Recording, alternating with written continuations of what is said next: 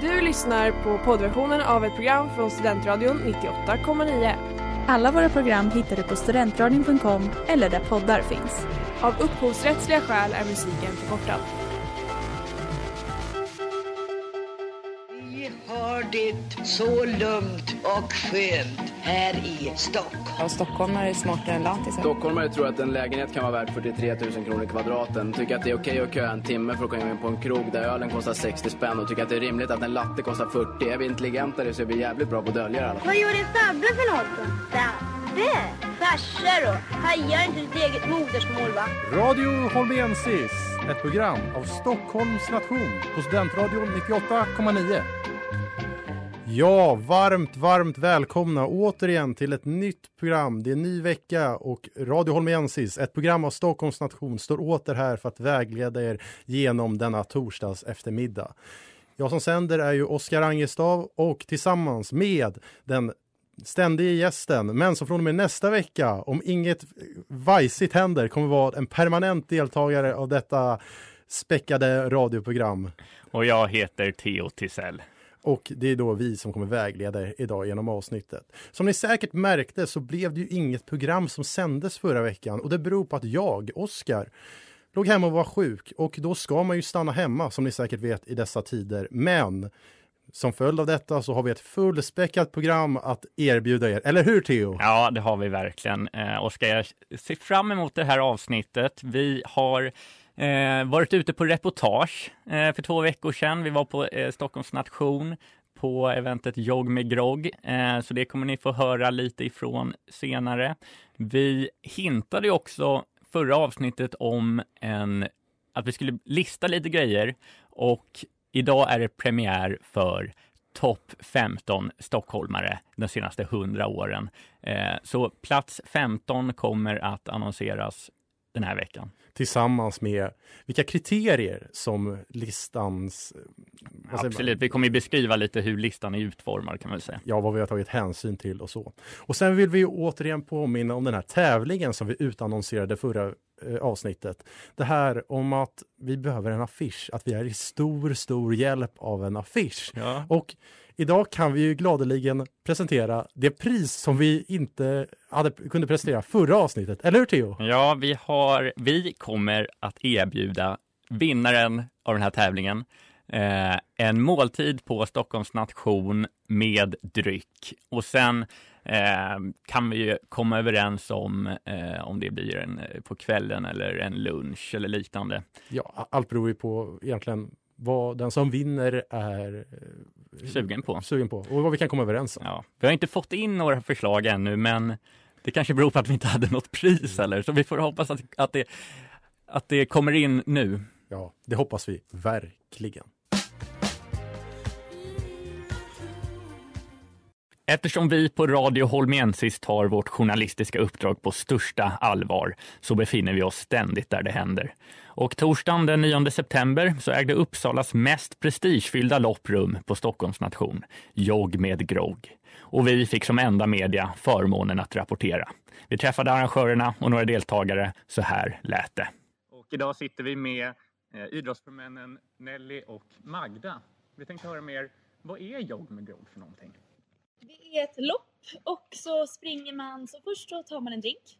Sen springer man 500 meter ett litet varv, tar en till drink, springer 500 meter igen, tar en till drink, springer 500 meter, och tar en till drink och springer 500 meter. Och om man är snabb får man lite fina priser. Ja, i år har vi väldigt fina priser. Dels får man en liten medalj som eh, Man kan- dels kvinnan får och man, bästa mannen får. Och sen så kan man vinna en slabbbiljett. Så är det, det är bara första, eh, första kvinnan och första mannen får ett pris? Exakt. Okej. Eh, vad tror ni kommer krävas av vinnaren i det här loppet? Vad är det för egenskaper? Det är väl främst uthållighet. Ja. Alltså vi har ju historien sett hur överambitiösa människor fallerar där i slutet. Så det krävs en, ett lugnt tempo skulle jag säga. De som tar ut sig för tidigt, nej. Och man måste svepa rätt fort för annars så kommer man ikapp.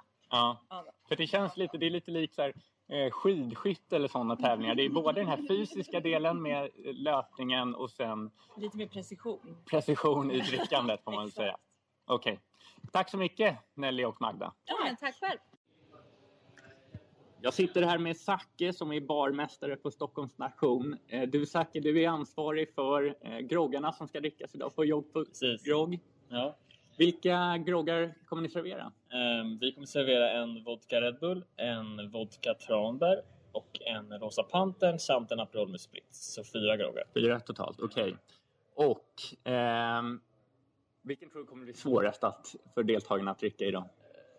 Svår fråga, men ändå ganska enkel. Eh, Aperol med Spritz är ju lite tufft på att dricka när man springer. Men jag tror Rosa Pantern, ja, men Rosa Pantern, det är väl lite mjölk eh, och lite, vad heter det? Eh, nu tappar jag ordet bara för det. Men Grenadin Mm. i den, så den är lite tjockare i, i fyllningen. Liksom. Ja. Den tror jag är tuffast, absolut. Ja. Hur har det varit tidigare? Är de här mjölkgroggarna som har varit ute? Eh, nej, förut har det varit, vi har haft kaffegrogg som har varit tror jag, utmanande. Eh, och även Aperolen tror jag, för den är ganska besk. Och Aperolen är sist på startsträckan, så den kan bli, den kan bli tuff. Ja. Och jag har fått eh, uppfattningen att eh, det är ganska svårt att inte spy under den här tävlingen. Jo, eh, jag har själv inte sprungit den, men jag har ju hört historierna. Eh, jag tror absolut att majoriteten kommer spy idag och har spytt tidigare. Ja, absolut. Okej. Tack så mycket Zacke. Tack själv. Jag sitter här med Oskar Sunken. Det är några minuter kvar till loppet börjar och ryktena går att du är lite av en favorit inför det här loppet. Vad har du att säga om det? Ja, men det är klart man känner sig smickrad. Eh, jag känner själv att eh, jag har en väldigt stark motståndare och det är ju Henke. Mm. Så eh, tror du han är vassare än dig eller tar du honom? Jag hoppas på att han inte är vassare, men jag tror att han är vassare. Men vi ska försöka göra allt för att komma före honom. Vad har du för taktik för att slå Henke då? Jag tror jag kommer köra svepa snabbt, ta det lite lugnt i starten och sen därefter öka tempot. Okej. Det finns ju den här risken med att man spyr. Har du någon taktik för att försöka undvika det? Eller så tar man det som det kommer? Man sväljer så snabbt som möjligt så att du inte hinner komma upp. Okej. Har du förberett dig på något speciellt sätt inför den här tävlingen?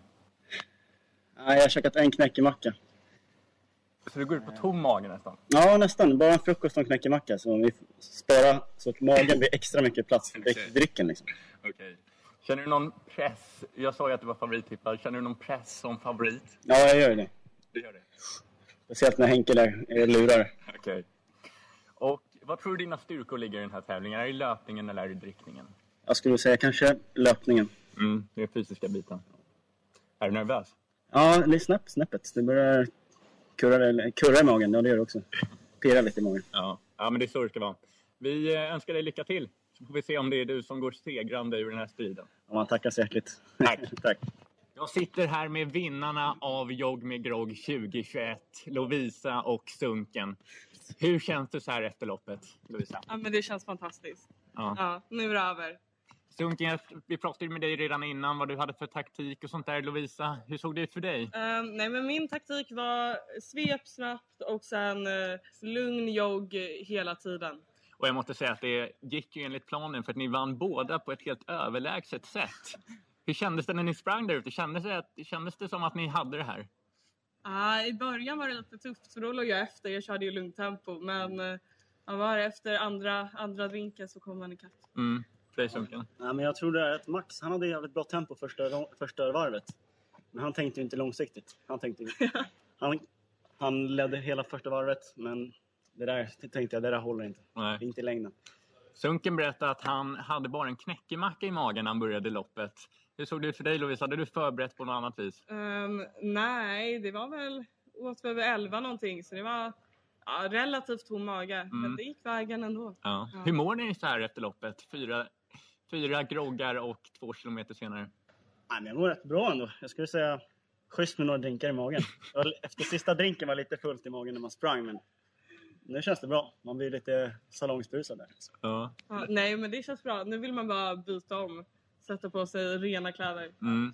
Ligger groggarna kvar i magen? Ja, för fan. Ja, de ligger kvar. Än i alla fall. Annars blir det alkoholmissbruk. Ja. Tack så mycket och stort grattis till er båda. Tack, tack. Det där var Under Heaven med Jonathan Lindower 96 och innan reportaget hörde ni The Way That I Do med Duran Jones and the Indication featuring Aaron Fraser här på Radio Holmiensis på Studentradion 98,9. Vad säger du Oskar om Jog med grogg? Visst låter det som någonting man hade velat vara med i? Kanske på förhand, men jag har ju bevittnat ett antal jag med grogg och jag har aldrig deltagit själv och jag har faktiskt aldrig ångrat att jag inte har deltagit. Det är nu var, den här gången så var det ju inte så många som deltog, dessvärre. Mm. Ja, vad var det? Det var 20? Nej, var det ens det? Nej, det var 10-12 som deltog. Ja, Men jag har ju sett tidigare när det varit uppemot 30-talet som har deltagit och välmåendet har inte varit så bra direkt efteråt. Men all kudos till er som ställer upp. Ja, precis. Alltså, man, man har ju fått eh, förstå att det är svårare än vad det ser ut. Jag var imponerad av både Lovisa och Sunken att de inte, att groggarna låg kvar i magen efter loppet. Ja, det var ju väldigt imponerande, det måste jag verkligen säga. Ja. Och det hör ju inte till vanligheterna, det måste vi lägga till. Mm. Men man förstår ju också, det finns ju en prestige att vinna den här tävlingen. Den där medaljen, att få sätta på fracken, den lockar ju ändå. Ja, den var stor också. Ja, verkligen. Men det förtjänar man ju. Mm. Det, ehm, ja, alltså jag måste säga att jag älskar sådana här tävlingar. Både rent sportsligt så är det ju liksom en intressant, eller rent tekniskt så blir det liksom en intressant kom, kombinationen mellan drickandet och löpningen. Eh, jag gjorde ju den här skidskyttejämförelsen i reportaget och jag, eh, vi båda är fans av skidskytte så det var roligt att se. Det var det verkligen. Men Theo, den här listan. Ja, det är den topp 15-listan. Upplägget är ju så här. Det är topp 15 stockholmare de senaste 100 åren. Och vad har vi för egentligen för kriterier för att vara stockholmare? Det är väl, man ska vara förknippad med Stockholm åtminstone. Ja, jag, Eh, ska, helst ska man vara född, men vi räknar ju även att du, om man har gjort stora avtryck på Stockholm. Ja, så kan man säga. Och sen har vi gjort det så att vi tar varannan listplats. Så jag ansvarar på, för 15 platsen, du för 14 platsen, sen jag 13 platsen och eh, så Och- vidare. Men sen enas vi om ettan. Ja, det känns ändå viktigt. Ja. Och vi kan väl säga uh, i vi- vilka olika approach som vi kommer ha till våra respektive platser. vad, vad har du att fylla i där Theo? Alltså, jag, vi får se lite. Jag har inte helt eh, bestämt mina platser ännu, men det känns som att jag kanske tar det här lite mindre seriöst än vad du gör. Eller inte seriöst, men åtminstone jag har lite andra karaktärer. Du har lite andra kriterier som du har gått efter medan jag kanske har en lite mer seriös approach. Ja, och eh, ja, ni kanske kommer förstå det när plats nummer 15 kommer att förkunnas så småningom under detta program.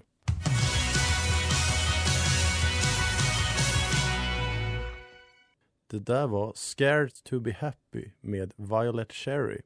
Men nu har det egentligen blivit dags.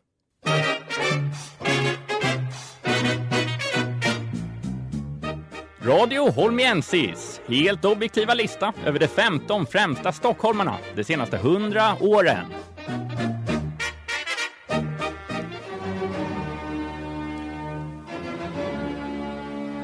Plats nummer 15.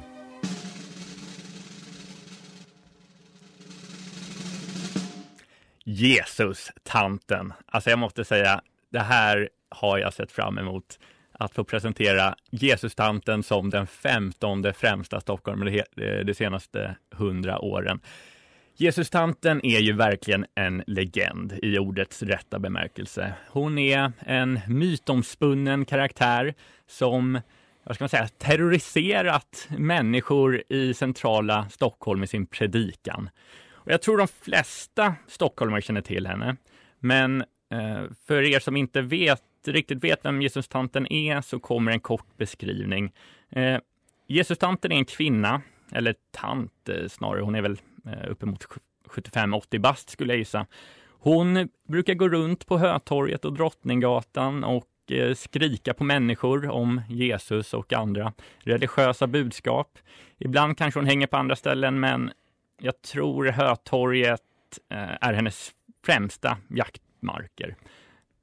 Och nu kanske vissa av er tänker, inklusive dig Oskar, att ja visst, Jesus-tanten må vara en intressant stockholmare, men är hon verkligen en av de främsta? Och svaret på det är ja. För det här handlar om att vara främst inom sitt fält. Exempelvis främsta idrottare eller sångare. Och när det gäller att jagande skrika om Jesus på stan, ja då är hon fan sämst. Så där har ni det. Jesustanten är den femtonde främsta stockholmaren de senaste hundra åren. Vad säger du Oskar, vad har du för relation till Jesustanten? Ja, dessvärre har jag ju stött på henne i samband med eh, gymnasiet. Jag gick ju på Viktor Rydberg Odenplan och hon hängde ibland vid Odenplan och då blev man ju jagad där och man förstod ingenting till en början men sen när man hörde de här kristna budskapen om domedagen och allting då kände man vad 17 är det här som pågår? Och visst, visst, visst är det älskvärt? Älskvärt skulle jag inte säga det, men det är uppfriskande i vardagen definitivt. Men ja, som jag sa innan, det här är inget som jag hade velat ha med på listan, men vi eh, har ju kommit överens om utformat den här listan. Precis, det är, man kan säga att den här platsen kanske är grunden till varför vi har delat upp det. För att jag stod fast vid att Jesus-tanten måste vara med. Hon liksom ändå definierar, nej det kanske man inte kan säga, men hon, hon är en del av Stockholms stadsbild vill jag ändå påstå. Och det är ändå intressant för när vi började göra research för den här listan mm. så såg vi flera rykten om att hon hade gått ur tiden. Ja, det gjorde vi. Men sen lite eftersökning på då Twitter så såg vi att äh, men 17, det är folk som har stött på henne rätt nyligen. Men tydligen, Theo, hon har ju tydligen fått konkurrensen nu på Stockholms gator.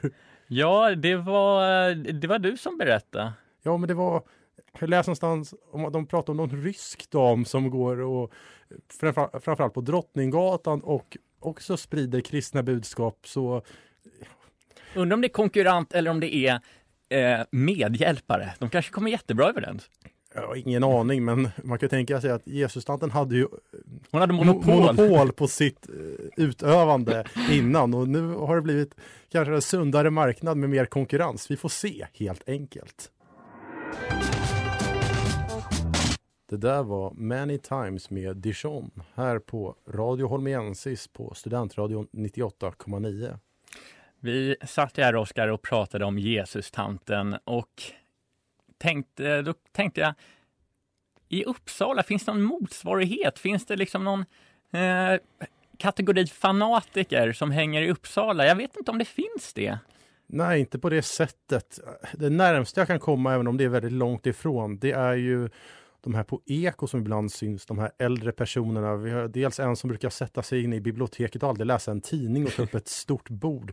Jag vet, jag tror du var med den gången när vi såg han sätta sig vid ett bord där det satt fyra personer och han bredde ut sig när de var borta, tog någon liten paus eller så. Ja. Om du vet vad jag menar? Jo, men jag vet vad du menar. Och, ehm. och sen har vi även den här äldre damen som brukar gå med solglajjor och tömma pant i alla sopkärl här på Eko också. Ja. Men de är långt ifrån vad Jesus-tanten Ja, precis. Ni får eh, skicka in om det är någon vi missar. Det kanske är någon Uppsala-legend som eh, passar in på den kategorin. Däremot i Lund har de ju en riktig jäkla legend alltså. Eh, Stellan Hagmalm. Du hade inte hört talas om honom Oskar, men jag kan läsa här från Wikipedia-sidan. Det här är alltså helt underbart. Det är alltså en man han är tyvärr död nu, rest in peace. Eh, Stellan Hagman brukade gå runt på Lunds gator med en skylt där det stod Karl-Erik Rosén sköt Olof Palme. Och den här mannen har ju då någon, kommit på någon slags konspiration som eh, lite kort går ut på att hans vad blir det, barndomskamrat då, Karl-Erik Rosén, konspirerat mot honom och hans släkt eh, för att dölja det faktum att Hagemalm i själva verket var Sveriges tronarvinge. Och på något jäkla vänster så får han in, eh, han får in eh, störtandet av romarriket, grundandet av kristendomen, eh, andra världskriget och FN i sin konspiration. Alla händelser som enligt honom då hade avsikt att utplåna Hagmalms släkt. Ja, det är intressant med en så fantasirik vad säger man, syn på verkligheten måste jag ju säga. Ja, men alltså ändå underbart på något vis. Ja, men... Eh... Han också, han, det står också att han har haft en eh, gick ett tag runt med någon skylt där det stod Ge mig läkarvård utan inlåsning. Och då var det tydligen så att eh, Hagman hade behövt läkarvård, eh, läkarvård mot hjärtbesvär men han upplevde sig endast erbjudas institutionaliserad mentalvård. Vilket också är ganska komiskt på något vis. Du vill ha med mig det här var Överdos med Daniela Ratana och Sikai. Men Theo, var det inget mer vi skulle nämna om Hagmalm? Ja, alltså det finns ju mycket att säga om Hagman. Ni får läsa på på Wikipedia. Alltså det, är, det kan förgylla en hel dag, den Wikipedia-sidan. Bland annat så eh, trodde han att 11 september-attackerna var något som liksom skedde för att avledda den konspiration som drabbat honom själv. Och det leder oss faktiskt in på att för lördagen för en och en halv vecka sedan så var det ju 20-årsdagen sedan 11 september-attackerna i New York och Washington DC. Och i och med att jag låg hemma och var sjuk förra veckan så konsumerade jag en hel del eh, vad säger man, dokumentärer, filmer etc. om detta. Och jag tycker bara att det är värt att återigen bara belysa vad som hände, för det har präglat så mycket det liv som vi ungdomar idag i Uppsala och i hela Sverige, hela världen har fått genomgå. Vi är ju som en i en dokumentär sa post 9-11 generationen. Vi som har fått uppleva ständiga egentligen krig och terror eh, eh, som har utbrett sig över världen och Europa. Ja, alltså, det är, ja visst, generationen efter 9-11. Sen vet jag inte om det skulle säga att det har präglat våra liv i sån stor utsträckning. Har det det? Jo, jag skulle ändå säga vår, vår syn på omvärlden. Det är ju, så... Jo, okej, okay, ja precis. Vår syn på om, alltså det har ju varit en, det var ju verkligen en händelse som eh, förändrade hela världspolitiken. Ja, och, ja eh, för att framförallt, säga, förut var ju ofta krig de skedde ofta på ett konventionellt sätt. Det var stater mot varandra, allt som oftast. Men nu har det blivit en form av asymmetrisk krigsföring där ena parten fortfarande oftast är en stat, men sen kan det vara en organisation, en grupp, i det här fallet då en terrorgrupp. Och där uppstår den här oberäkneligheten egentligen. När ska det ske? Och vad ska hända? Ja, ja men precis. Alltså asymmetrisk krigsföring har väl kanske skett även innan 9-11, men eh, de senaste 20 åren har det väl varit mer eller mindre den enda typen av krigsföring som har, eh, eller i alla fall dominerat. Ja, definitivt. Och det är ju, I och med att USA är den ena parten så konsumeras vi ju eh, dagligen nästan av vad som har skett. Och det var även tydligt nu i somras när USA drog sig ur Afghanistan. I och med att det var 20 år sedan som det skedde. Och det... Säger man inte, är det USAs längsta krig? Är det inte det som har sagts? Jag vet faktiskt inte. Du har nog bättre koll, men det är mycket möjligt. Alltså 20 år. Andra världskriget var ju sex år. Ja, Vietnamkriget, då var inte USA med från början. Så. Nej, och generellt sett har ju USAs historia präglats väldigt mycket av krig. Jag tror det är väldigt få år som det var rått total fred i USA.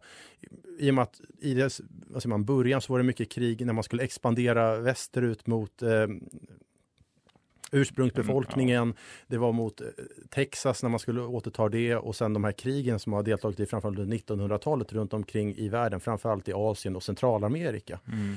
Men det som bara slog mig i alla fall när jag såg det, det var just det här att hur, hur var det egentligen innan 9-11? För att jag var fyra år, det var ju du också, mm. när 11 september-attackerna skedde och det är svårt för mig i alla fall att greppa hur såg världsläget ut på ett sånt sätt? I och med att det går alltid att läsa på, men man har egentligen bara fått uppleva det här. Och jag, jag minns ju så väl när, när USA gick in i Irak. Och ja. det i efterhand har väl kanske inte visat sig vara den mest lyckade operationen i världshistorien. Nej, men som jag minns då, det var ju, stod ju fullt i tidningen om att om vilken hemsk man Saddam Hussein var. Det konsumerades man och liksom, man fick den bilden mm. påtryckt i princip. Sen var han ju absolut en hemsk man på många sätt, Nej, men han hade ju inga massförstörelsevapen som amerikanerna påstod. Nej. Fragrance med Augustin här i Radio Holmiensis på Studentradion 98,9.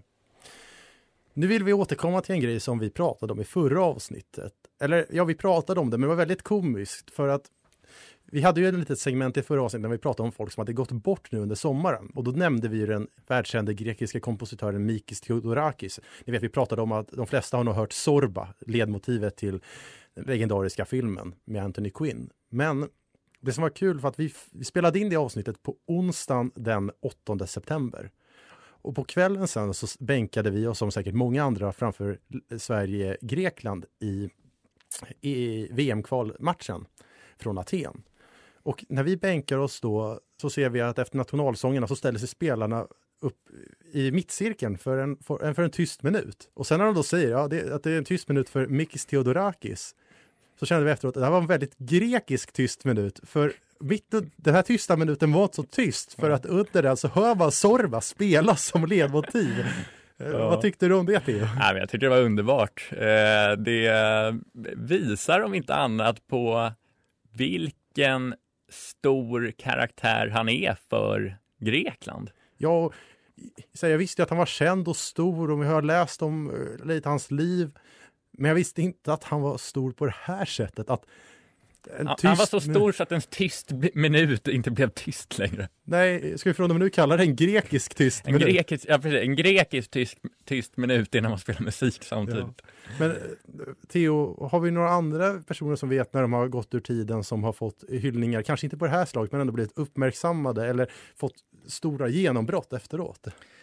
Ja, alltså vad har vi? Vi har ju när Churchill gick bort så var ju det en stor grej, eh, har man förstått. Ja, det var ju jag har ju sett klipp på när han, när vad säger man, likkistan förs genom London och han var ju inom, i sitt militär, militär verksamhet var han verksam i marinen så det var ju intressant att kistan färdades ju på en båt på Themsen ja vaktad av eh, soldater från marinen. Mm. En annan som kommer till mig det är faktiskt Michael Jackson. Kanske inte hur han själv gick bort men vilket otroligt återgenombrott kan man nästan säga som hans musik fick efter hans död. Absolut. De eh, åren som var innan, de var ju mycket präglade av de här rättegångarna och anklagelserna mot honom samt den här nya This is it-turnén, eh, konserterna på O2 Arena i London han skulle göra. Men sen när han gick ur tiden, alltså hans musik sålde ju multum mm. återigen. Och sen får man, ja det gjorde den verkligen och sen nu på senare år har väl eh, uppmärksamheten gått tillbaka till de här anklagelserna får man säga. Ja, det var ett par år däremellan. Ja, det, det var vissa kanske glömde bort dem. Sen en annan som verkligen fått stor hyllning var ju Avicii alltså. Ja, verkligen. Och det man kan säga i det fallet är ju att det känns som att psykisk ohälsa har fått ett mycket större en mycket större plats i samtalet idag i samhället. Mm. Ja, precis. Eh, kanske på grund av det, vi vet inte. Han fick ju Globen nämnd efter sig. Vad heter den? Den heter väl? Avicii Arena. Ja, Avicii Arena heter den. Ja, döptes ju om i somras. Mm. Och det tyder ju också på den storheten. Ja. Sen kan vi kan nämna att under 1900-talet i alla fall i vissa kommuniststater så valde man ju när den store ledaren som ofta sades gick ur tiden mm. så ja, balsamerades liket och sen var det, placerades i en mausoleum mm. där det skulle beskådas för att ledaren skulle alltid, vad säger man, den har gått ur tiden men den är fortfarande med oss i vårt medvetna på något sätt. Ja. Det, jag vet att det gjordes i Sovjetunionen, i Kina och Nordkorea måste det väl ha gjort va? Ja, Nordkorea absolut. Jag tror att till och med att man balsamerade Kim Jong-Il som när han gick ur tiden för cirka tio år sedan. Mm. Så att det finns ju massvis med olika sätt att uttrycka det här, men vi vill ju bara nämna från början att det var bara så kul att när vi hade pratat om Mikis Theodorakis att han uppmärksammades på det sättet. Ja, ja. Hade du velat bli eh, balsamerad och bli sedd på efter du dog, Oskar? Ja, helst inte. Nej. Och jag har, inte, jag har inte tänkt så mycket i de banorna, eller har du gjort det? Nej, det har jag absolut inte gjort. Det är, bara det är, liksom, det är något undligt med det ändå, att man går in i någon slags, i ett rum och sen får man se ett lik. Sen är det väl meningen att man ska känna stor sorg inför den stora ledaren. Ja, och minnas den. Ja. Jag tror framför allt det. Ja.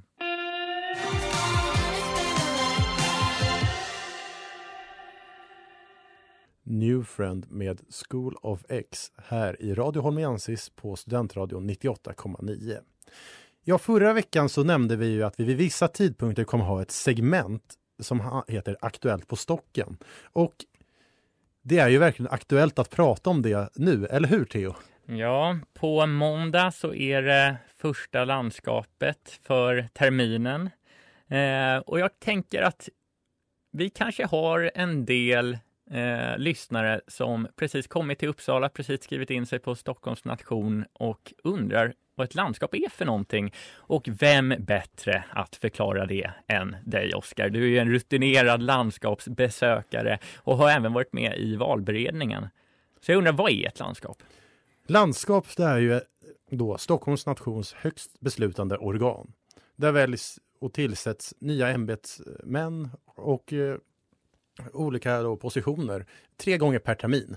Vid det första landskapet, som är det nu, det första lagtima höstlandskapet, så tillsätts ofta kuratorsposter. Man har delat upp det då på våren och hösten. Så till exempel nu på måndag så kommer andre kurator och barmästare för eh, kommande kalenderår, alltså 2022, att tillsättas. Mm. På det andra landskapet då brukar så här, mästarposter att väljas och lite annat dylikt. Medan det på det tredje landskapet då, det sista innan jul, kommer att tillsättas alla verkarposter. Det brukar vara väldigt välbesökt. Mm.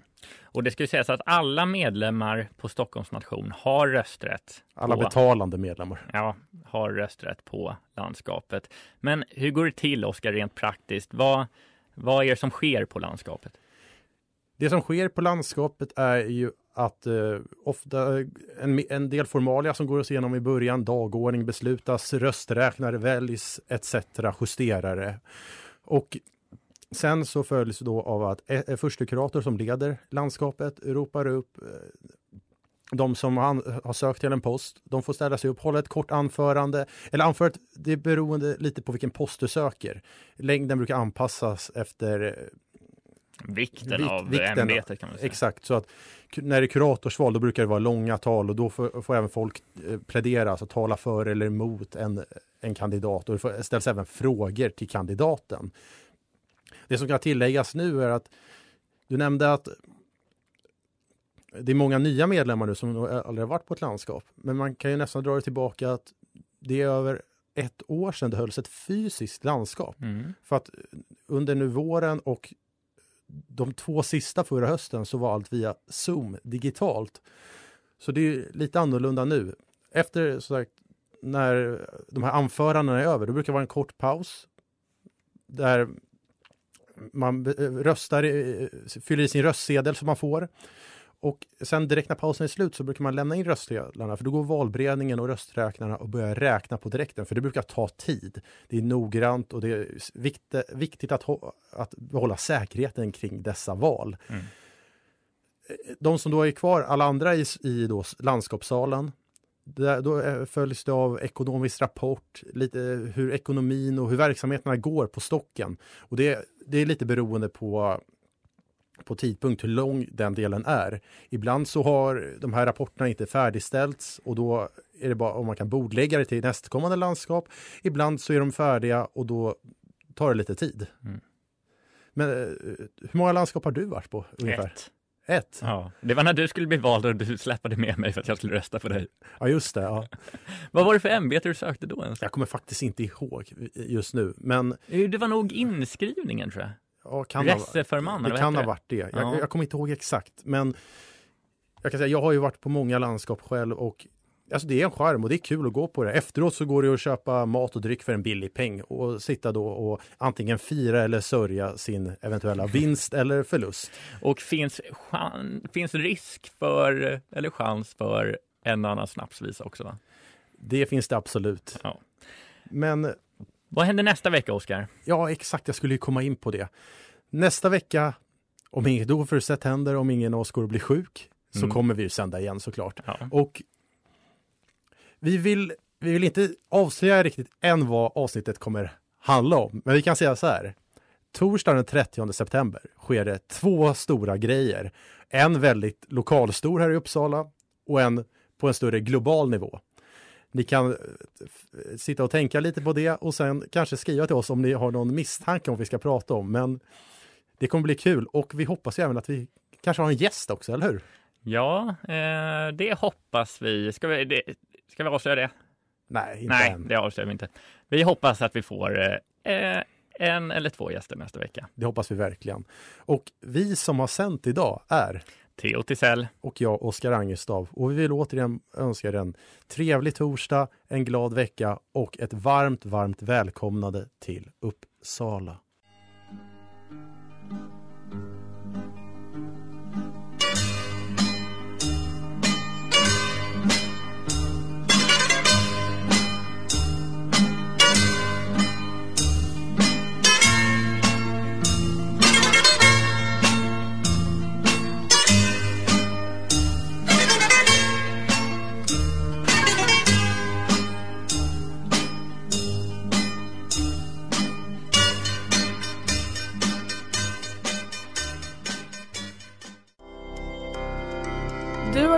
Poddversionen av ett program från Studentradion 98,9.